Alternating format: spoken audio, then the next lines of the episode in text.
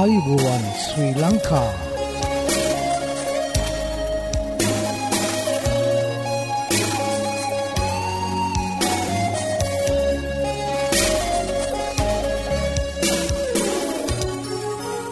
ඔබට සුපදවස මේ ඇඩවෙන්ටිස් වර්ල් රේඩියෝ බලාපොරොත්වය හඬයි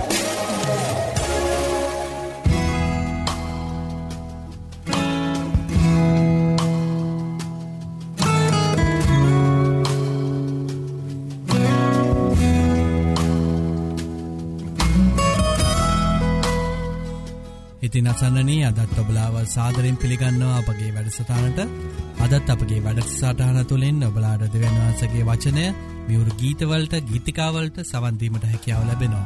ඉතිං මතක් කරන්න කැමති මෙම වැඩසටානගෙනෙන්නේ ශ්‍රී ලංකා 7ඩ ඇඩවෙන්ටිස් කිතුුණු සභාව විසින් බව ඔබ්ලාඩ මතක් කරන්න කැමති. ඉතින් ප්‍රැදිී සිටින්න අප සමඟ මේ බලාපොරොත්තුවේ හඬයි. බයිබල්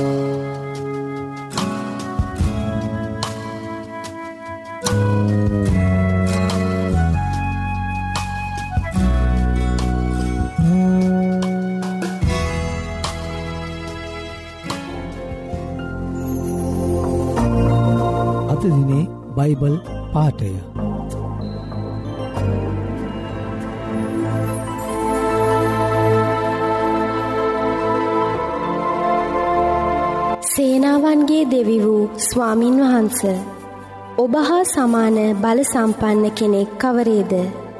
ඔබ මුහුදේ උඩගුකම දමනය කරන සේක. එහි රැල නගින කල ඒවා නිශ්චල කරන සේක. ගීතාවලිය අසු නම වන පරිච්චේදය අටේ සිට නමේ දක්වා.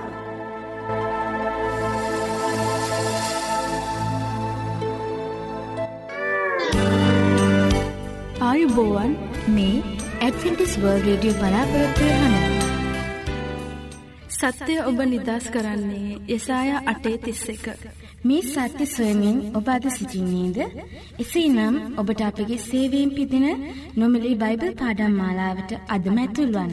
මෙන්න අපගේ ලිපිනය ඇඩවෙන්ටිස්වල් රේඩියෝ බලාපොරත්තුවේ හඬ තැපැල් පෙටිය නමසේපා කොළඹ තුන්න.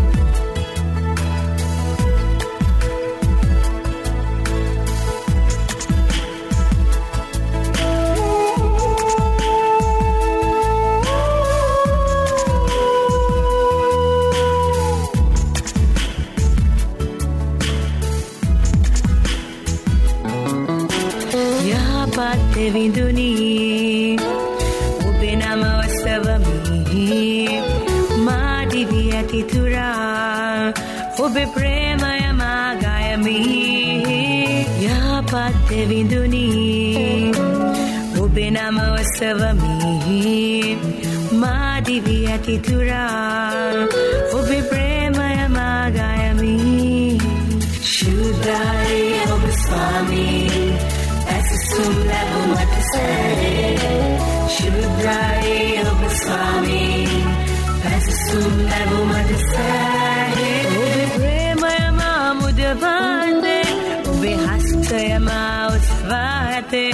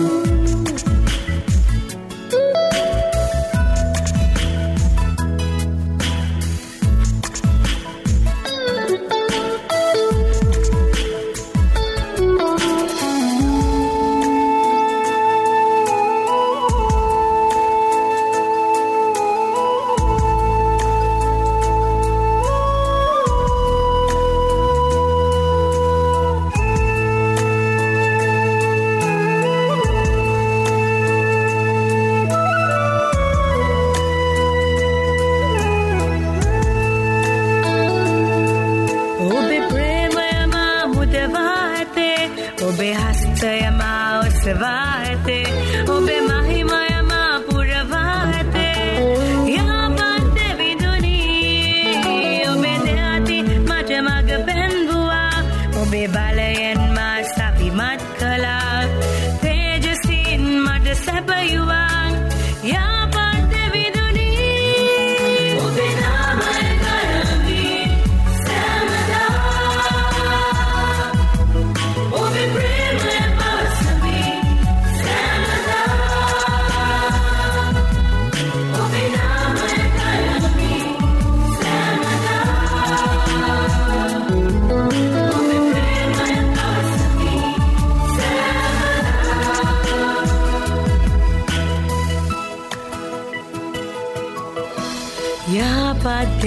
දෙවිඳුනී ඔබේ නම ඔස්සවමි මාදිවී ඇතිතුරා ඔබේ ප්‍රේමය මාගයමි යහපත් දෙවිඳුනී ඔබේ නම ඔස්සවමි මාදිවී ඇතිතුරා ඔබේ ප්‍රේමය මාගයමි ශුද්ධයි ඔබ ස්වාමීන් ඇත්සුම් ලැබුමට සැහේ ශුද්ධයි ඔබ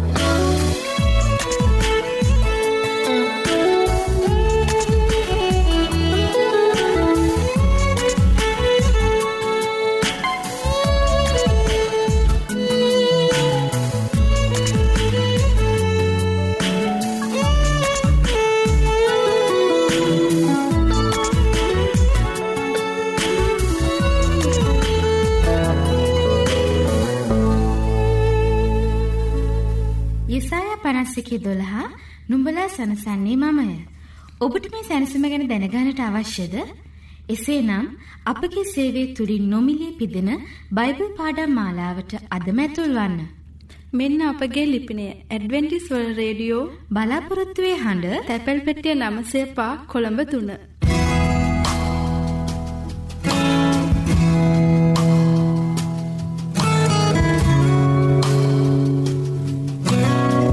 මා ප්‍රියාසන්නනී ඔබලාට ස්තුතිවන්ත වෙනවා. අපි සමග වැඩී සිටිම ගැන. ඉතින් මෙම අවස්ථාවේදී දෙවියන් වහන්සේගේ වචනය ගෙනීමට අදත් ජෙරාට් පෙරේරා දෙවගිත්තුමා සැරසී සිටිනවා. ඉතිං අපි යොමුයමු දෙවන් වහන්සේගේ වචනය කරා. ඔබලාගේ ජීවිතවලට ආත්මික පෝෂණය ලබාගන්ට මෙම වචනවලින් හැකිවේ යයි මම සිතනවා ඉතිං අපි දැන් යොමුයමු දෙවන් වහන්සේගේ වචනයට. මේ බලාපොරොත්තුවේ හඬ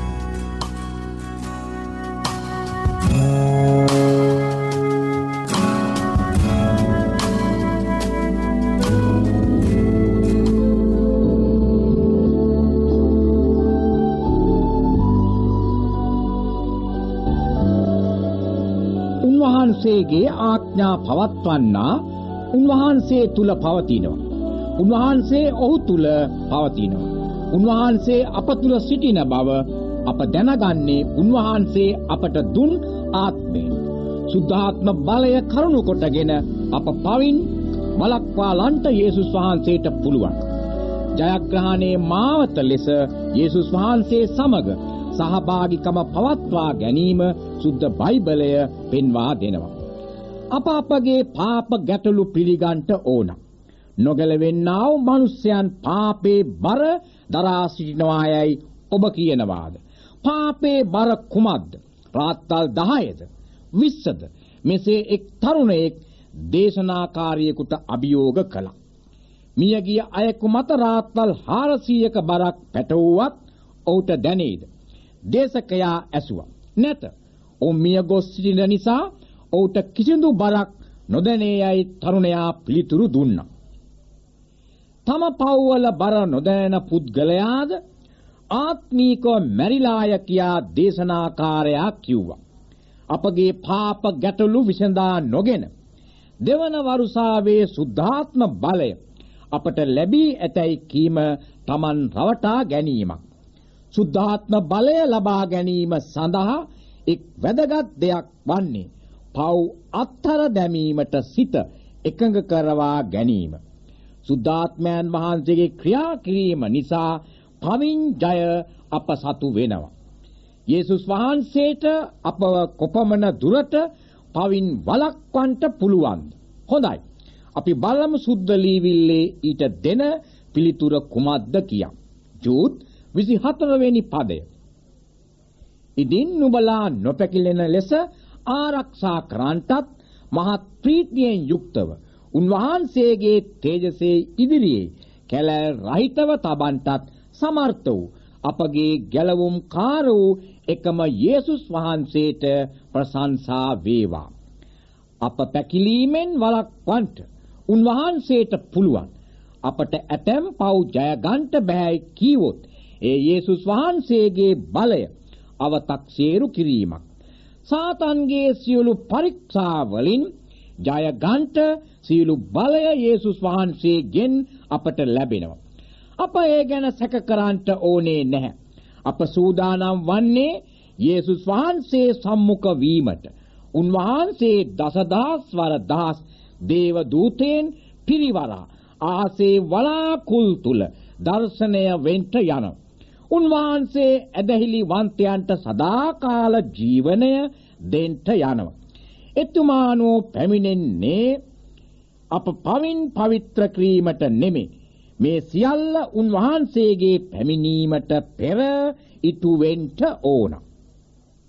ඔබ ජයගෙන නොමැති නම් යම් යම් පව් තිබේ නම් උන්වහන්සේගේ පැමිණීමේදී ඒවා පහ කරතැයි ඔබ සිතනවාද? වයිට් මහත්මිය මෙසේ ප්‍රකාශ කරනවා. සදාකාල ජීවනය සඳහා නව ගිවිසුමේ අනුග්‍රහය යටතේ ඉල්ලා සිටින කාරණා එදන්හිදී අවශ්‍ය තිබූ කාරණාවයි. එනම් පූර්ණ ධර්මිෂ්ඨකම දෙවියන් වහන්සේ සමග සමාදානයෙන් සිටීම උන්වහන්සේගේ විවස්ථාවට දක්වන ලබන පූර්ණ කීකරුකම වෙනවා. නුඹලාගේ පියාණන් වහන්සේ මෙන්ම නුඹලාත් සම්පූර්ණව සිටින්නේයි යේසුස් වහන්සේ උපදෙස් දුන්නා. ක්‍රිස්තුස් වහන්සේගේ බලය කරුණු කොටගෙන පවින් ජය ලබා ගන්නයි උන්වහන්සේගේ ගෝලයෝ තරයේ කියා සිටිනවා.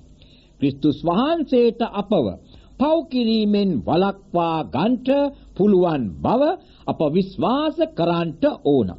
එම විශ්වාසය දේව රාජ්‍යයට ඇතුළු වීමට ප්‍රමාණවත් වෙනවා. සුද්ධ බයිබලයට අනුව යමෙකුගේ සම්පූර්ණත්වයේ යනු සුද්ධාත්මයෙන් පිරි ජීවිතයක්. මෙවැනි අය සිතින් වචනයෙන් ක්‍රියාවෙන් පවට පෙළඹෙන්නේ නැහැ. දෙවෙනි පැමිණීමට පෙර යේසුස් වහන්සේ සුවකීය විශ්වාසිකයන් පූර්ණත්වයට පත් කරන්නට යනවා. ක්‍රිස්තියානි කාර්යයක අවදිව සිට යාඥා කළ යුත්තේ ඇයි කියා ඔබ දන්නවාද? අවදිව සිට යාඥා කිරීමෙන් ජීවිතයට පැමිණෙන්නා වූ ඕනෑම ගැටලුවකට මුහුණ දීමේ හැකියාවක් අපට ලැබෙනවා. ඒවා ස්වර්ගයෙන් පැමිණෙන්නා වූ තිරණයක්. නොසලකිලිමත්කම උනන්දු රහිතභාවය පරාජයේ පළමු වන හේතුව වෙනවා. ජයග්‍රහණය උදෙසා අප යාඥාව කරේ දක්වන උනන්දුව මදි. සුද්ධ බයිබලයේ මතෙව් 7 වන පරිච්ඡේදයේ 26 වන සහ 27 වන පාඨවල මෙසේ සඳහන් කරනවා. හොඳයි. මම කියවනවා ඊට සවන් දෙන්න. යමෙක් මාගේ වචන අසා ඒවා පිළිපදීද? ඔව්වැලි මත්තේ. තමාගේ ගෙය සාදාගත් නුවණැති මිනිස්සෙකුට සමාන කරනු ලබන්නේ. වැසි වැස ජලය ගලා හුලන් හමා ඒ ගෙට ගැසුවේය. ඒක වැටුනේය. ඒ වැටීමද බලවත් විය. දේව කැමැත්ත පිළිබඳව ඊතා සුළු දැනීමක් පමණක් තිබීම පරාජයට හේතුවක් වෙනවා. සුද්ධ ලීවිල්ලේ සෑම පිටුවක්ම දෙවියන් වහන්සේගේ ආත්මය මගින් ආලෝකමත් කර තිබෙනවා. සමහර අයට මෙය සුළු වශයෙන් බලපා තිබෙනවා. ඊට හේතුව ගැඹුරු වටහා ගැනීමක් ඔවුන්ට නැතිකම. මේ අයට කුමක්ද දන්නවාද වෙන්නේ? හලනු ලබන කාලය පැමිණි විට ඔවුන් බොරු අදහස් පිළිගන්නවා. ඔවුන්ව නැංගුරමක් නැහැ. ඔවුන් සෙලවෙන්නා වූ වැලි මෙන් වෙනවා. කිසි කලක උන්වහන්සේගේ සභාව පරාජය වෙන්න යන්නේ නැහැ. ක්‍රිස්තුස් වහන්සේගේ ප්‍රේමය පිළිබඳව පාවුලුතුමා කුමද්ද ප්‍රකාශ කළේ කියා බලමු. රෝම 8 වන පරිච්ඡේදයේ 35 වන පදයේ සිට 39 වන පදය දක්වා කියවමු. ක්‍රිස්තුස් වහන්සේගේ ප්‍රේමයෙන් අප වෙන් කරන්නේ කවුද? විපතවත්, සිත් වේදනාවක්, පීඩාවක්, දුර්භික්ෂාවක්, නිර්වස්ත්‍රකමවත්, කඩුවක් අප වෙන් කරන්නේ කෙසේද? නමුත් අපට ප්‍රේම කළා වූ තනන් වහන්සේ කරුණු කොටගෙන අපි මේ සියල්ලේදී අතිසේන්ම ජය ගන්නෙමු. පරීක්ෂාව දුක් විඳීම පීඩා යනාදිය පාවුල්තුමා මුහුණ දුන්නා. ක්‍රිස්තියානි කාර්යෝ ඊතා දුෂ්කර අධ්‍යක්ීන් මැද්දෙන් ගමන් ගන්නවා. නමුත් මේ ජයග්‍රහණයට විරුද්ධව ඇත්තා වූ බාධක නොවේ. මේවා ජයග්‍රහණය උදෙසා ඇති ප්‍රස්තාවන් වෙනවා. මේ මගින් අපගේ ඇදහිල්ල පරීක්ෂාවට භාජනය කොට එය ශක්තිමත් කරනු ලබනවා. ක්‍රිස්තියානි ජීවිතය සටනක්.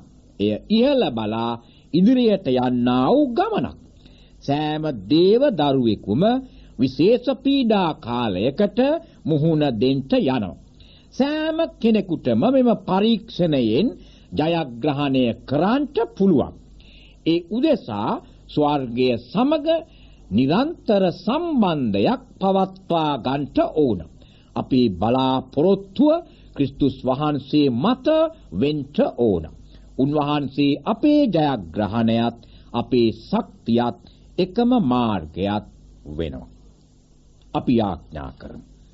ස්වර්ගයේ වැඩ සිටින ප්‍රේමණීය දෙවි පියාණනි පෞකාර නොවටිනා අප පාපෙන් මුදා ගැනීමට ඔබ වහන්සේගේ එකම පුත්‍ර වූ යේසුස් වහන්සේව මෙලවට එවීම ගැන අපි ඔබ වහන්සේට ස්තුති ප්‍රශංසා කරමු.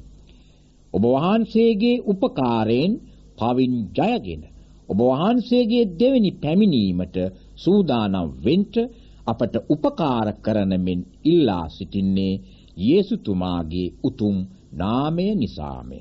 ආමේන්.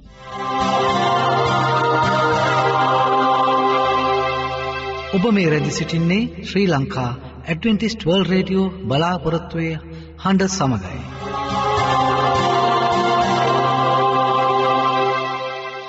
ධෛර්ය බලාපොරොත්තුව ඇදහිල්ල කරුණාවසා ආදරය සූසම්පත වර්ධනය කරමින් ආශ් වැඩි කරයි. මේ අත්හදා බැලිමිට ඔබ සූදානන්ද එසේනම් එකතු වන්න ඔබත් ඔබගේ මිතුරන් සමගින් සුවසතර පියමත් සෞඛ්‍ය පාඩම් මාලාවට. මෙන්න අපගේ ලිපිනය ඇඩවෙන්ඩිස් වල් රේඩියෝ බලාපොරොත්තුවේ අඩ තැපැල් පෙටිය නම්සේ පා කොළඹ තුන්න. නැවතත් ලිපිනය ඇඩවිටිස් වර්ල් රේඩියෝ බලාපොරොත්තුවේ හඬ තැපැල් පෙට්ටිය නමේ බිඳුවයි පහ කොළඹ තුන්න.